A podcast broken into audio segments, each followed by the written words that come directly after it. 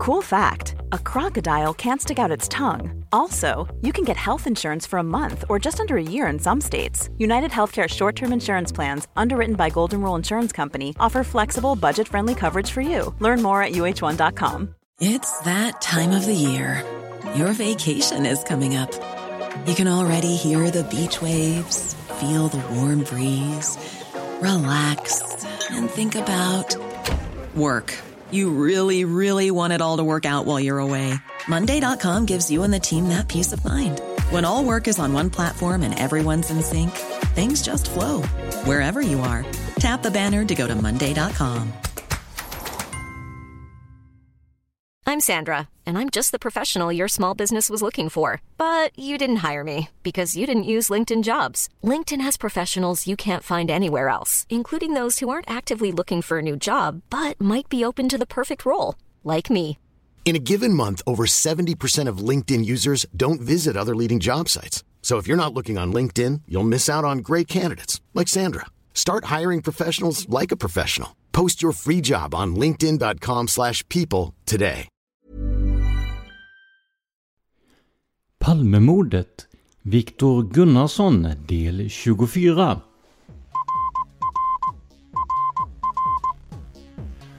Sveriges statsminister Olof Palme är död. 90 000. Ja, det är mord på Sveavägen. Hörde de säger att det är Palme som är skjuten. Mordvapnet med säkerhet är en Smith Wesson, en revolver kaliber .357. Inte ett svar. Det finns inte ett svar. För jag har inget. Och jag har inte varit.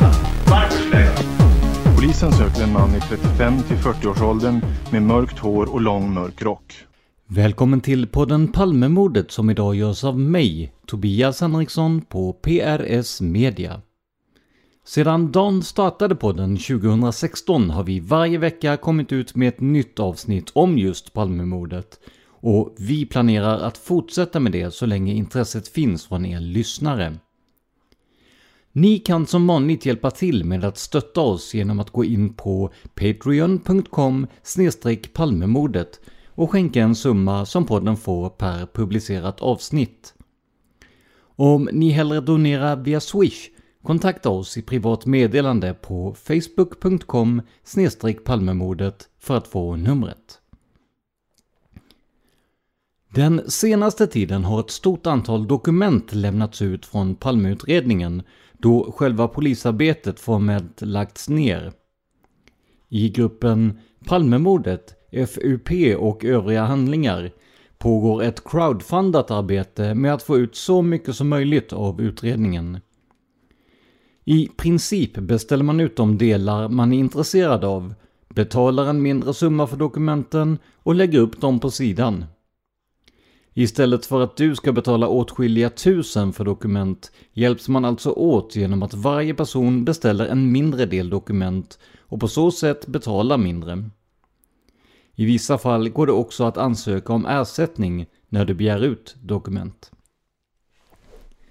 Podden Palmemordet står inte bakom själva gruppen, men vi uppmuntrar verkligen initiativet och vill ge det välförtjänt uppmärksamhet så att fler får kännedom om det och också kan hjälpa till att få ut mer av utredningen. Bland de dokument som släppts nyligen finns något som jäckat Palmeintresserade länge, i alla fall om man är intresserad av Viktor Gunnarsson. Vad återfanns egentligen på hans kläder när man undersökte dessa för krutrester? För vissa säger krut, andra säger tändsatspartiklar, några säger att inget hittades. Nu har vi äntligen svaret. Dessutom kommer vi att få reda på hur tipset om Gunnarsson från den taxichaufför som senare kom att bli ett huvudvittne mot honom såg ut. Men först en kort sammanfattning. För sedan Palmemordet återigen blev på tapeten har vi sett att det tillkommit ett stort antal läsare och lyssnare i såväl Palmegrupperna som i podden.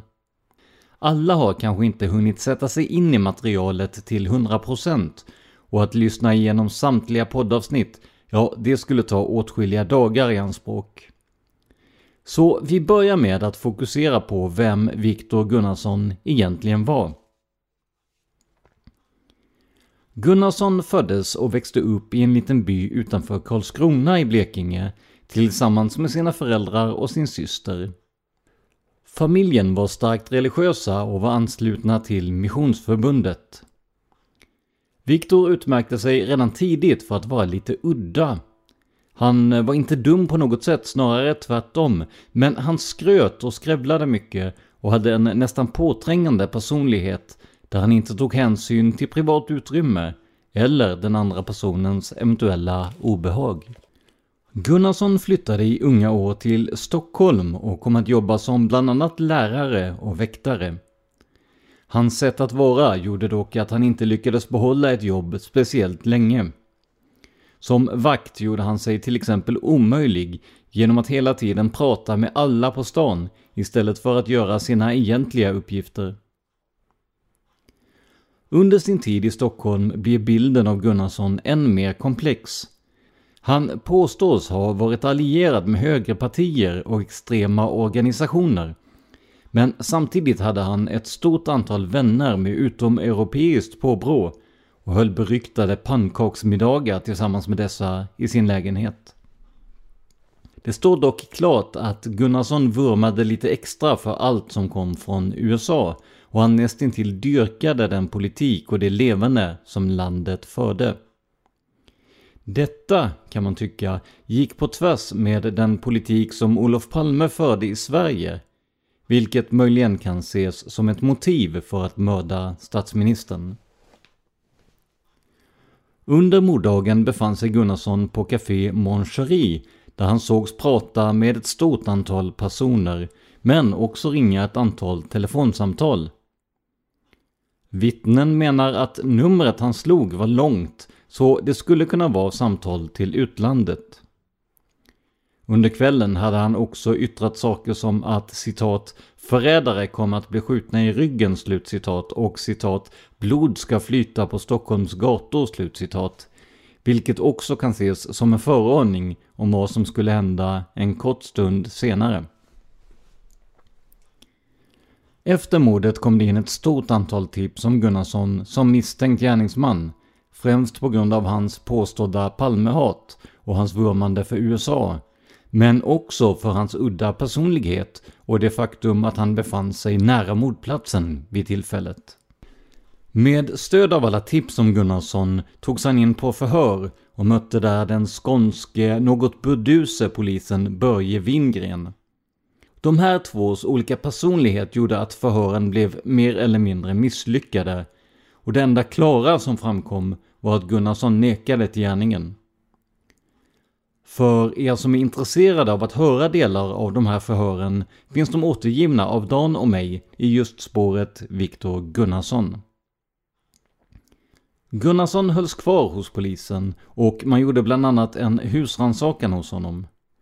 Där hittades en del Palmefientligt material, bland annat från EAP, men också en ritad gravsten med bokstaven P på.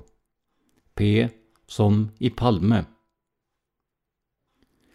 För att undersöka om Gunnarsson kan ha hållit i ett vapen i närtid skickade man hans kläder till kriminallaboratoriet i Wiesbaden i dåvarande Västtyskland för analys.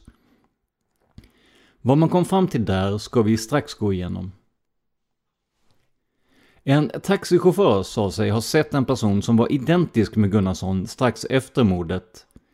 Denne ska ha varit upprörd och velat åka vad som helst bara det gick fort.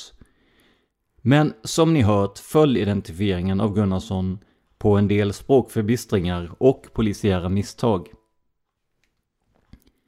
Istället kom Gunnarsson senare att släppas även om misstankarna mot honom kvarstod. Han emigrerade till USA och levde ett relativt vanligt småstadsliv fram till årsskiftet 1993-1994. I början av januari 1994 återfanns han nämligen ihjälskjuten i ett bergsmassiv i North Carolina, uppenbarligen mördad. Huruvida hans död hade med mordet på Olof Palme eller inte att göra går inte att säga. Men troligen var det en ren slump. En före detta polis dömdes också för mordet mot sitt nekande och satt i fängelse tills det att han avled för något år sedan. Men även i USA hann Gunnarsson väcka uppseende omkring sig. Bland annat genom att skryta om att det var han som skjutit Sveriges statsminister. Han sa också att det var som att skjuta en hund till sina vänner. En del av Gunnarssons märkliga beteende kan ha fått en möjlig förklaring när vi bjöd in professorn i psykiatri Henrik Ankarsäter att medverka i podden. Med hjälp av diagnostiska verktyg och den kunskap vi har om Gunnarsson går det att misstänka att Gunnarsson led av en störning inom autismspektrat, där undertypen kallas odd but outgoing, alltså ungefär märklig men social. Där har ni i korta drag det ni behöver veta om Viktor Gunnarsson innan vi ger oss in mer på djupet med hans skuld eller oskuld. Vi kommer nu att citera det översatta protokollet från Wiesbaden där man alltså undersökte hans kläder i jakt på krutrester. Protokollet är i original på tyska men har översatts av polisen. Eh, jag pratar själv inte tyska så jag har dålig koll på hur bra översättningen är men en sak noterade jag. För tydligen kan ordet tasche betyda både väska och ficka i det här sammanhanget bör det vara hans väskor som undersöktes, i och med att fickorna så att säga satt fast på kläderna. Men i det översatta protokollet har man genomgående skrivit ficka eller fickor. Jag kommer att läsa det som det står återgivet, men tänk på detta när ni hör texten. Och om det är någon som är duktig på tyska och har en annan åsikt om min lingvistiska utsvävning så är det bara att skriva det på facebook.com snedstreck Palmemordet. Men nu till själva protokollet. Citat.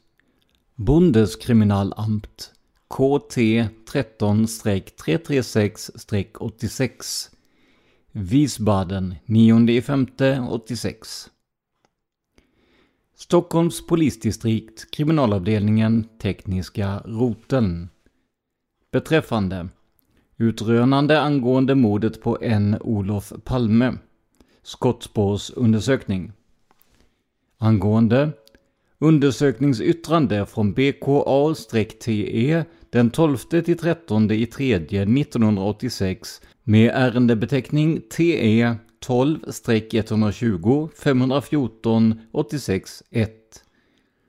Myndighetsutlåtande. I ovannämnda ärende har från herr Jan Andraschko vid Kriminaltekniska laboratoriet i Linköping de i efterföljande förteckning upptagna materialet överlämnas med förfrågan från polisen i Stockholm om kriminalteknisk undersökning av kläderna och fickorna.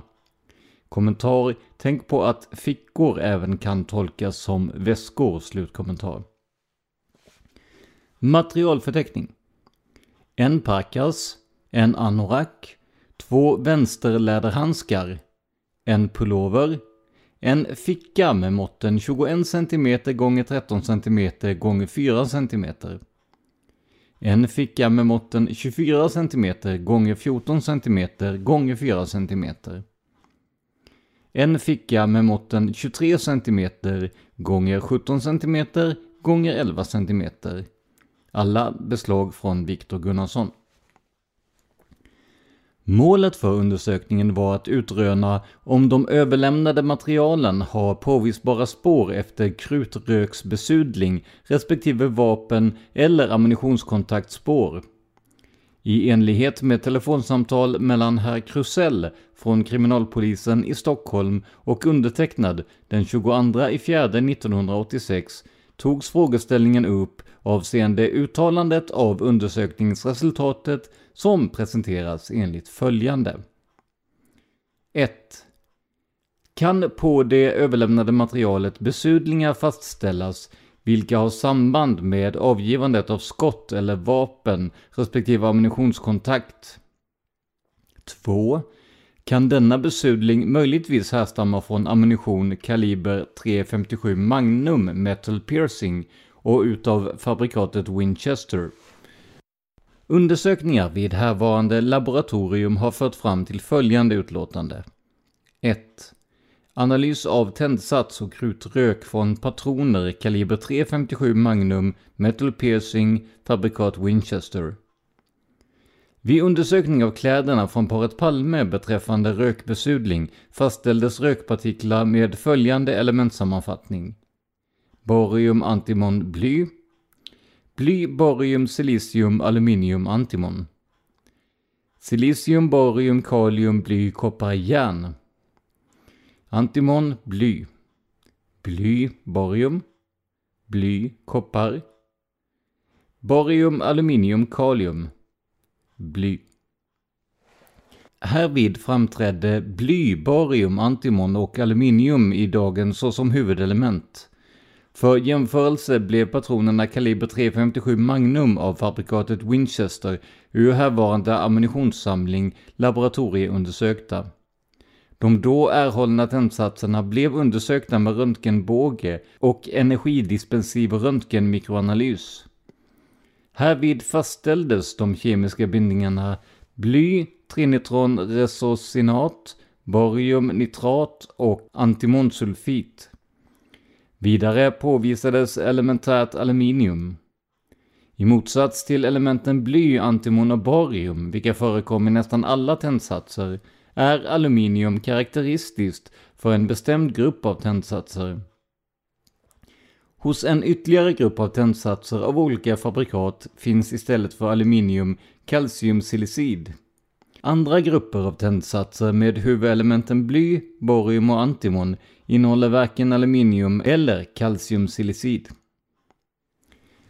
På grund av den kemiska analysen av tändsatser förväntade man sig att i krutröken från ovan nämnda ammunition som huvudbeståndsdelar finna elementen bly, barium, antimon och aluminium.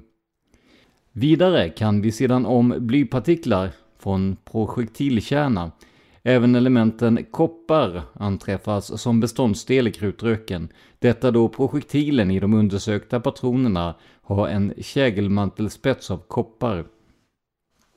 De uppskrivna elementen påvisades undantagslöst i krutröken i kläderna hos paret Palme. Några av de fastställda rökpartiklarna innehöll dessutom de kemiska elementen järn, kalium, silicium. Järnet kan härröra från gärningsvapnet.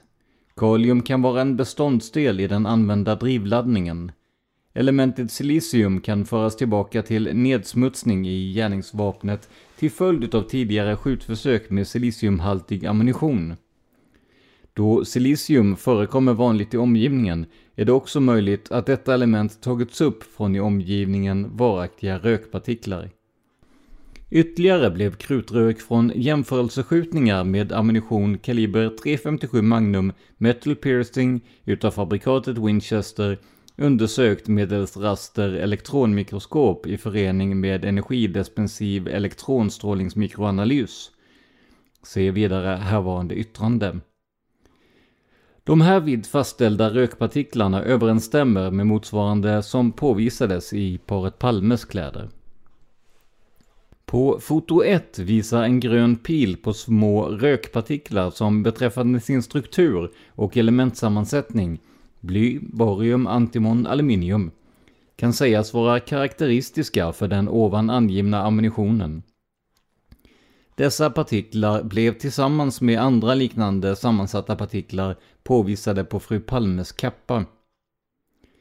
I rökrester efter ammunitionsarter med en stark aluminiumandel i tändsatsen består de största rökresterna mestadels utav en barium-aluminiumoxidkärna. Detta kan sägas som ett resultat efter undersökningar av krutröksrester från ett flertal olika ammunitionsarter medelst elektronmikroskop. Den på foto 1 visade rökpartikeln torde besitta en barium-aluminiumkärna. Kommentar det här visar alltså att de krutröksrester som fanns på paret Palmes kläder kan vara identiska med de kommande från en 357 Magnum. Notera också att man hittade partiklar på Lisbeth Palmes kappa Den här ska ju ha blivit genomskjuten och det ska ha uppstått en rispa på Lisbets rygg. Det här har ifrågasatts av många och skadan har aldrig dokumenterats. Men man hittade i alla fall rökrester på hennes kläder. Slutkommentar. Vidare i protokollet. Undersökningen av Parkasen. Undersökning av ett preparat, tejp, med vidhäftning från höger arm har ställts till förfogande utav Kriminaltekniska institutet i Linköping. Efter uppgift från herr Andrasko vid Kriminaltekniska institutet i Linköping var på tejpen endast en rökpartikel påvisad medelst raster elektronmikroskopiering. Preparatet, tejpen, blev ställt till förfogande utav herr Andrasko och i härvarande laboratorium undersökt med samma metod. Härvid blev en partikel med elementsammansättningen bly-brom fastställd. När det gäller denna partikel kan det dock handla om rester efter bensin avsett för förbränningsmotor. Vidare blev den på bild 2 återgivna partikeln med elementsammansättningen silicium, bly, kalcium, koppar och zink funnen. När det gäller dessa smådelar kan det handla om samma partiklar som påvisats i Linköping. Trots att den på bild 2 återgivna lilla delen på grund av sin elementsammansättning och struktur handlar om rökrester torde det på grund av följande orsaker troligen inte röra sig om partiklar som härstammar från patroner kaliber .357 Magnum Metal Piercing av Macket Winchester. Elementsammansättningen av den lilla delen stämmer inte överens med de andra smådelarna som påvisats på fru Palmes kappa. Se till exempel delarna på bild 1. Huvudsakligen saknas aluminium, vilket är karaktäristiskt från de större partiklarna från ammunition 357 Magnum Metal Piercing av fabrikatet Winchester. Troligen handlar det här om rökpartiklar med bariumoxidkärna.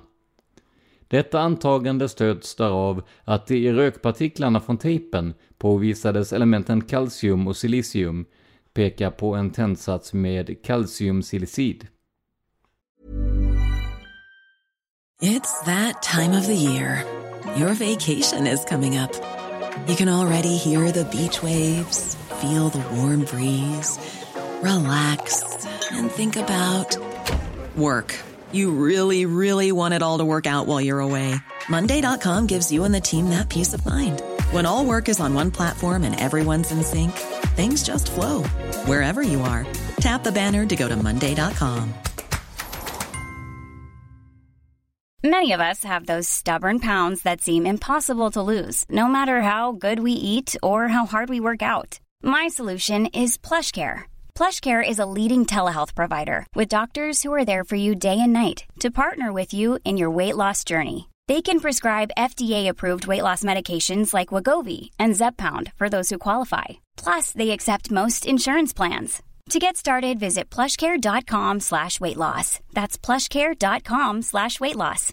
If you're looking for plump lips that last, you need to know about Juvederm lip fillers. With Juvederm Volbella XC and Juvederm Ultra XC, your lip look, whether it's subtle or bold, can last up to one full year with optimal treatment and no additional maintenance. Find a licensed specialist and see if it's right for you at juvederm.com today. That's J U V E D E R M.com. Add fullness to lips in adults over 21 with Juvederm Volbella XC or Juvederm Ultra XC. Do not use if you have severe allergies or a history of severe allergic reactions, or if you're allergic to lidocaine or the proteins used in Juvederm. Tell your doctor if you have a history of scarring or taking medicines that decrease the body's immune response or that can prolong bleeding. Common side effects include injection site redness, swelling, pain, tenderness, firmness, lumps, bumps, bruising, discoloration, or itching. As with all fillers, there's a rare risk of unintentional injection into a blood vessel, which can cause vision abnormalities, blindness, stroke, temporary scabs, or scarring.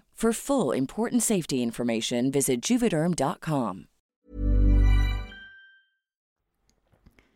Undersökning av Parkasen i härvarande laboratorium. Parkasen blev i de markerade och med nummer försedda områdena undersökt med folieavtrycksförfarande i förening med en energidispensiv röntgenmikroanalys för att söka påvisa krutrök, respektive blybesudling. För att använda det nämnda förfarandet blev medelst tejp besudling i de markerade områdena säkrade för att vid behov undersöka folien i rasterelektronmikroskop i avseende på krutrökspartiklar.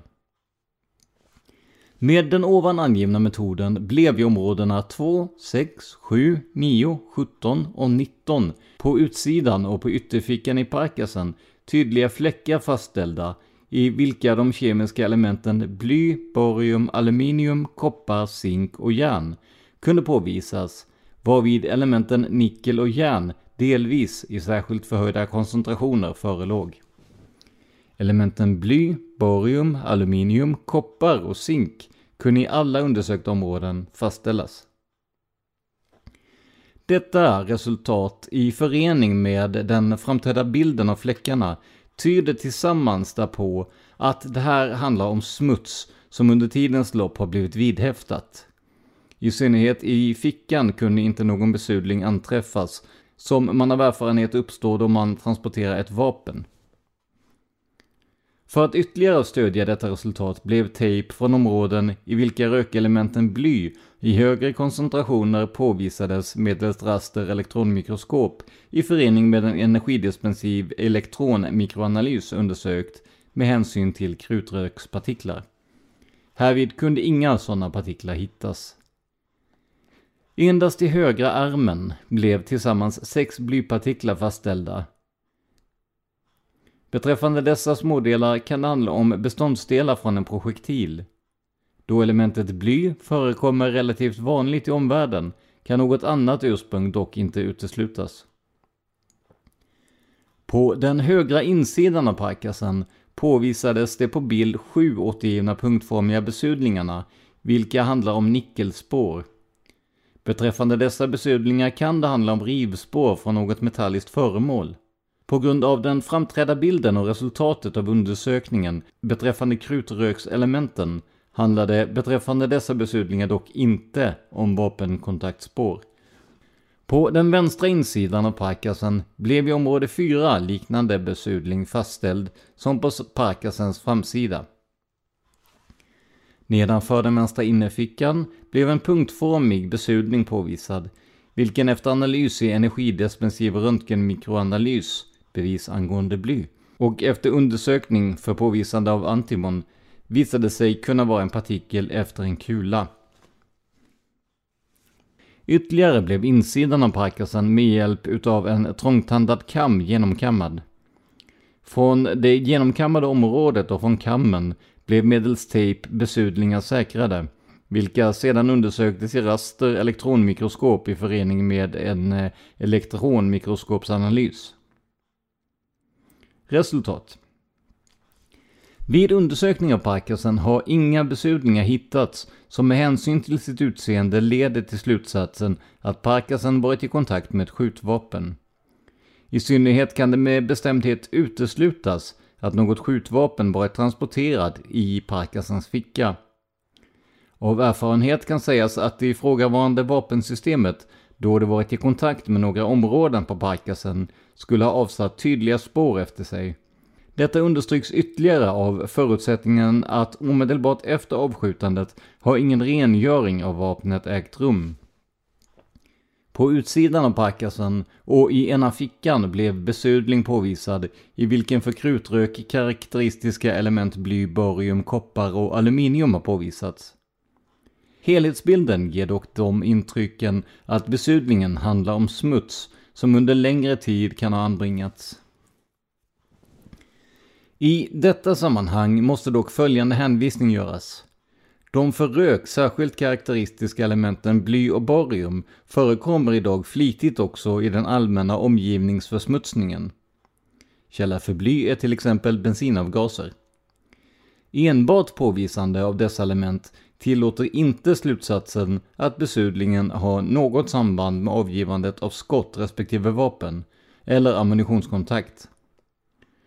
För att denna tes ska uppfyllas är det mycket mer nödvändigt att elementen bly, borium, koppar och andra i sina små partiklar i sammanhanget tilldelas en större fördelning och att strukturen på dessa smådelar får en helt annan betydelse.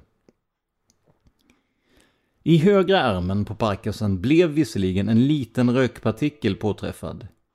Denna lilla del härstammar dock troligen från ett annat vapensystem än de rökpartiklar vilka fastställdes på kappan tillhörande fru Palme.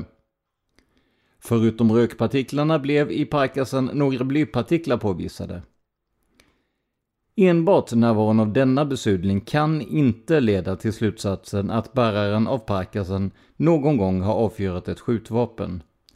För att kunna dra en sådan slutsats hade det varit nödvändigt att påträffa ett rätt representativt antal rökpartiklar, vilket, vilka är karaktäristiska för de som uppstår efter avgivandet av skott. De påträffade partiklarna kan exempelvis ha vidhäftats Parkasen därigenom att Parkasen vid något tillfälle befunnit sig på en ort där skott har avlossats, till exempel skjutbana. Å andra sidan kan omständigheten att Parkasen inte uppvisar några rökpartiklar liknande de som påträffats på paret Palmes kläder inte leda fram till slutsatsen att bäraren av Parkasen inte avfyrat skotten mot paret Palme. Av erfarenhet vet man att krutröken i allmänhet inte slår ner på skyttens kläder, detta då rökmolnet beger sig bort ifrån skytten. Endast om särskilda omständigheter föreligger så kan man förvänta sig rökbesudling på skyttens kläder. Sådana ifrågavarande omständigheter kan vara om skytten beger sig springande in i rökmolnet eller om den för stunden rådande vindriktningen driver rökmolnet i riktning mot skytten. Kommentar Parkasen visar alltså inga spår av att ha varit i kontakt med vapen, krut eller liknande. Men det här är heller inte att vänta även om Viktor Gunnarsson avfyrat vapnet, om inte vinden ligger åt rätt håll, som vi nyss läste. Slutkommentar. Undersökning av anoraken, handskarna, pullovern och fickorna. Undersökning av anoraken och pullovern. På fotona 8 och 9 är de båda klädstyckena återgivna. Kläderna har undersökts beträffande sökning efter krut, rök respektive blybesudling medelst folieavtryckningsförfarande. Härvid blev på de undre delarna av anorakens vänstra ärm den på bild 10 återgivna bruna besudlingen påvisad. Efter resultat av analys i energidesmensiv röntgenmikroanalys handlar det här om fläckar från kemiska element koppar och zink, varvid element koppar utgör huvuddelen. Denna besudling får inte sättas i samband med avgivandet av skott eller vapen respektive ammunitionskontakt. Vid undersökning av pullover har ingen antydning till krutrök respektive blybesudling kunnat påvisas. Undersökning av läderhandskarna. I avsnitt 2 fastställdes att det efter avgivandet av skott bara i speciella fall kan väntas krutröksrester på skyttens kläder.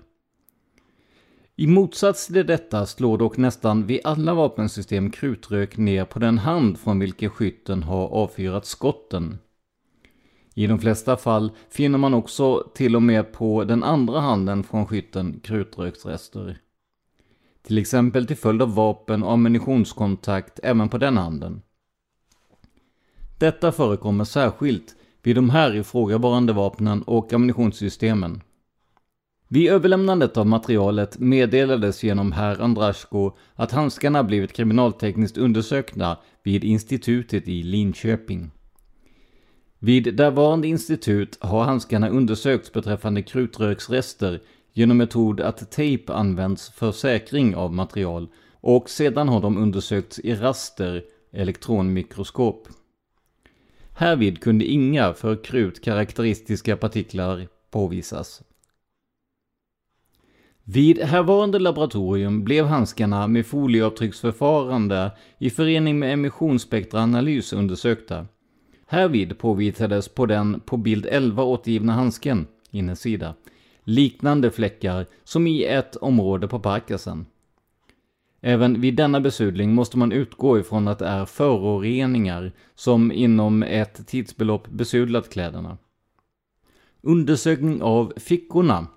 Kommentar som även skulle kunna betyda väskorna. Slutkommentar. På fotona 14, 15 och 16 är fickorna återgivna. För att söka efter vapenkontaktspår undersöktes insidan av fickorna medelst folieavtrycksförfarande i förbindelse med energidesmensiv röntgenmikroanalys och medelst emissionsspektral analys. För att använda folieavtrycksförfarandet blev besudling säkrat från fickornas insida medelst tejp. I ingen av fickorna kunde ytterligare besudlingar fastställas, som av erfarenhet kan härledas till vapenkontaktspår. På insidan av den på bild 15 återgivna fickan kunde svag besudling påvisas i vilken för krutrök karaktäristiska element såsom bly, kalium, koppar, aluminium och zink kunde fastställas. Härvid kunde från besudlingen på vänster insida endast tre stycken blypartiklar, storlek omkring 10 my, påvisas. Krutröksdelar blev inte fastställda. De på tejp säkrade besudlingarna ur denna ficka blev undersökta i raster elektronmikroskop i förening med en elektronstrålmikroanalys. Härvid blev inga för krutrök karaktäristiska partiklar fastställda. Endast olika metallpartiklar enligt följande elementsammansättning påträffades. Koppar, zink, koppar, zink 9. Bly, koppar, järn 1. Bly 10. De inom parentes uppförda siffrorna anger antalet påträffade partiklar. Resultat. I klädstyckena och på i fickorna kunde inga ytterligare pulverröksbesudlingar respektive vapenkontaktspår bli fastställda. I en av de båda handskarna påvisades fläckar i vilka kemiska element som även kan vara karaktäristiska för krutrök. Några enbart karaktäristiska delar för krutrök kunde dock inte bli fastställda. Efter helhetsbildens resultat handlade det här om besudlingar av föroreningar, vilket efter en längre tidsrymd kan vidhäftas på bäraren. Anmärkning. De båda handskarna blev på begäran den 10 fjärde 1986 till BKA TE 12 återlämnade. Enligt uppdrag Dr. Lichtenberg. Slut citat. Det vi kan konstatera till att börja med är att protokollet är otroligt svårt skrivet. Nästan som om det var översatt av en person med bara begränsad kunskap i svenska. Var det egentligen fickorna eller väskorna som undersöktes till exempel? Sådana här saker måste framgå tydligt för att det ska gå att dra några som helst slutsatser om resultatet av undersökningen. Men trots den styltiga svenskan kommer vi i alla fall fram till några saker. Både Lisbets och Olofs kläder uppvisar till exempel spår som kan vara förenliga med att en 357 Magnum avfyrats med Winchester-ammunition. Värre är det med Viktor Gunnarssons kläder. En rökpartikel hittades av SKL i Linköping på den parkas som tillhörde Viktor Gunnarsson. Och det var bara denna partikel som analyserades vidare i Västtyskland. Sammansättningen stämmer dock inte överens med det som hittades på makarna Palmes kläder. På övriga klädesplagg hittades inget som med tydlighet kunde sägas vara annat än normal nedsmutsning.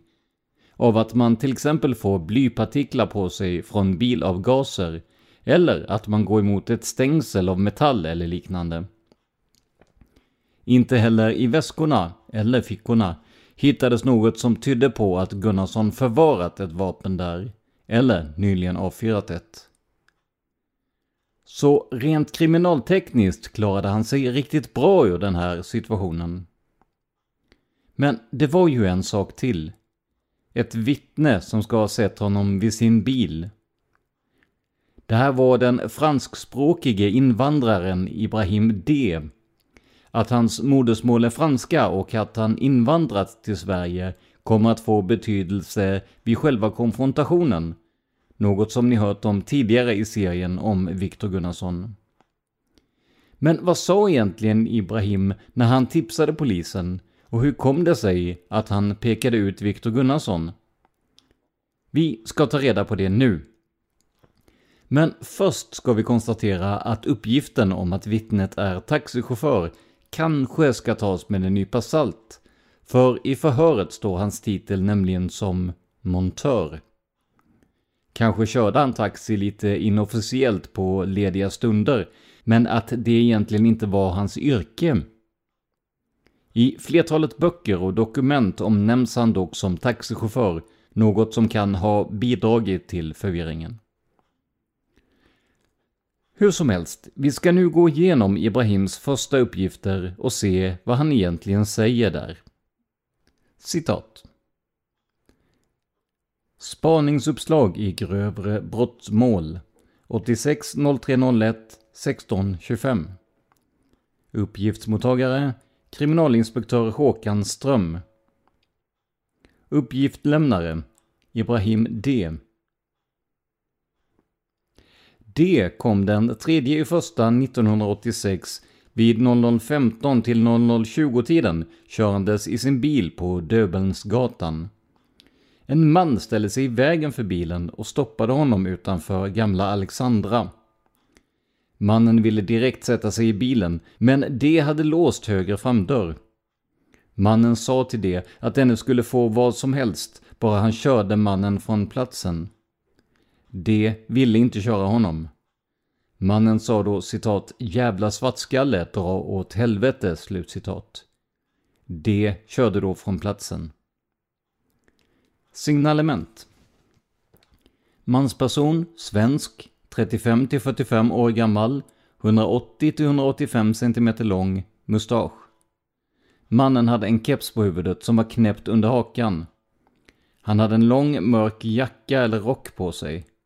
Höger arm tryckte han mot kroppen som om han hade något under ytterplagget som trycktes fast mot kroppen. Mannen hade vidare svarta byxor och svarta skor. Det skulle igenkänna honom om han har kepsen på sig. Mannen försvann därefter in mot kyrkogården springandes. Det körde från platsen. Mannen hade även sagt att han skulle ge honom vad han ville ha. Det ändrar uppgiften om tidpunkten för sammanträffandet till 23.45 till 00.30. Det medföljde till Döbelnsgatan och förevisade de aktuella platserna. När de först uppmärksammade mannen stod denne i trappan Kammakargatan Döbelnsgatan. Mannen ställde sig då mitt i vägen för D.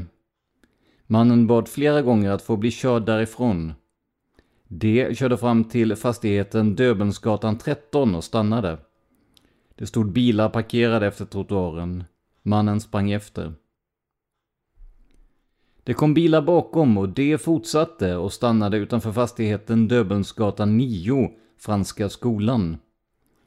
Mannen kom fram till bilen och stod vid höger dörr, vars fönster var nedvevat en bit. Mannen visade även sin plånbok och visade att han hade pengar. Citat. Du kan få vad som helst, bara du kör mig härifrån. Slutcitat. Det ville dock inte köra mannen. Denne sa då citat. Vi har dålig ekonomi för att regeringen tar hit en massa utlänningar.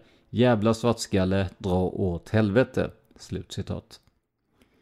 Mannen sprang därefter upp för trappan MEM Döbelnsgatan 9 och in på kyrkogården. Kommentar MEM står troligen för mittemot Döbelnsgatan 9. Slutkommentar. Han sprang inte efter gången utan bakom träd efter träd vid sidan av gången. De körde från platsen. De uppger att mannen bar handskar, svarta. Någon spritlukt förmärkte sig. Det var dock endast på höger hand som mannen hade handske. Dels bil är en Volvo 140. Mannen sökte även stoppa en Mercedes 190 och en Volkswagen Golf. Dessa bilar stannade dock ej. Vid eventuell komplettering med det bör fransk tolk anlitas. Och där slutar vi citera förhöret med Ibrahim D. Ibrahim såg alltså en svensk man, relativt normal lång, mellan 35 och 45 år gammal. Så långt kan det stämma på Gunnarsson, speciellt som Ibrahim såg en mustasch. Om man går på hur Gunnarsson oftast såg ut så var mustaschen ett tydligt kännetecken. Men hur stämde det egentligen med kläderna? En lång rock eller jacka kan stämma med den flygarjacka som Gunnarsson bar vid tillfället. Och den kan säkert uppfattas som mörk snarare än grön i det begränsade ljus som råder på platsen. Men kepsen med knäppning under hakan? Det här är ingenting som vi känner igen från Gunnarsson. Han var antingen barhuvad eller hade kapuschongen uppfälld på sin jacka, enligt honom själv och vittnen. Det går inte att få ihop med den bild som Ibrahim har av mannen. Att Gunnarsson, som sa sig vara vän av invandrare och var engagerad i dem, dessutom skulle kalla Ibrahim för jävla svartskalle är också svårt att få ihop. Vad vi vet idag har de personer som körde de andra bilarna som personen försökte stoppa inte förhörts. Varken personen i Mercedesen eller Golfen. Kanske återstår det att se om även deras dokument dyker upp framöver. Men för att sammanfatta dagens avsnitt är det inte mycket konkret som tyder på att Gunnarsson var gärningsmannen. Och det är först efter en förvirrad konfrontation och en reglementsvidrig fotovisning som han kan peka ut just Gunnarsson. Till Gunnarssons last ligger istället hans märkliga beteende och påstådda hat mot Olof Palme. Men kriminaltekniskt finns det knappt något att gå på. Än mindre är utpekandet av honom som mannen på Döbelnsgatan entydigt. Men vad tycker du om de här uppgifterna? Gör det Gunnarsson mer eller mindre trolig som gärningsman i era ögon? Skriv gärna av er på facebook.com palmemordet. Det här var veckans avsnitt av podden Palmemordet som idag gjordes av mig, Tobias Henriksson på PRS Media.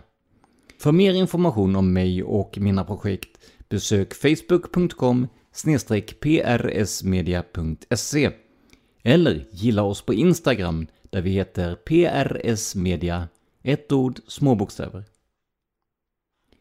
Tack till alla som sponsrar oss på patreon.com palmemordet. Men framförallt, stort tack för att du lyssnar på podden Palmemordet. Man hittar Palmes mördare om man följer PKK-spåret till botten. Därför att ända sedan Julius Caesars tid har jag aldrig hört talas om ett mord på en framstående politiker som inte haft politiska skäl. Polisens och åklagarens teori var att han ensam hade skjutit Olof Palme. Och det ledde också till rättegång. Men han frikändes i hovrätten.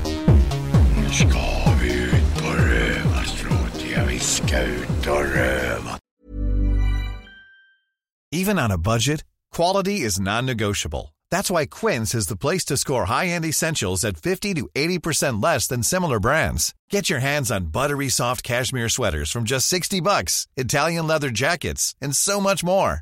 And the best part about Quince, they exclusively partner with factories committed to safe, ethical, and responsible manufacturing. Elevate your style without the elevated price tag with Quince. Go to quince.com slash upgrade for free shipping and 365-day returns. Normally, being a little extra might be a bit much, but not when it comes to healthcare. That's why United Healthcare's Health Protector Guard fixed indemnity insurance plans, underwritten by Golden Rule Insurance Company, supplement your primary plan so you manage out-of-pocket costs. Learn more at uh1.com. Even when we're on a budget, we still deserve nice things. Quince is a place to scoop up stunning high-end goods for 50 to 80% less than similar brands. They have buttery soft cashmere sweaters starting at $50, luxurious Italian leather bags, and so much more. Plus, Quince only works with factories that use safe, ethical, and responsible manufacturing. Get the high-end goods you'll love without the high price tag with Quince. Go to quince.com/style for free shipping and 365-day returns.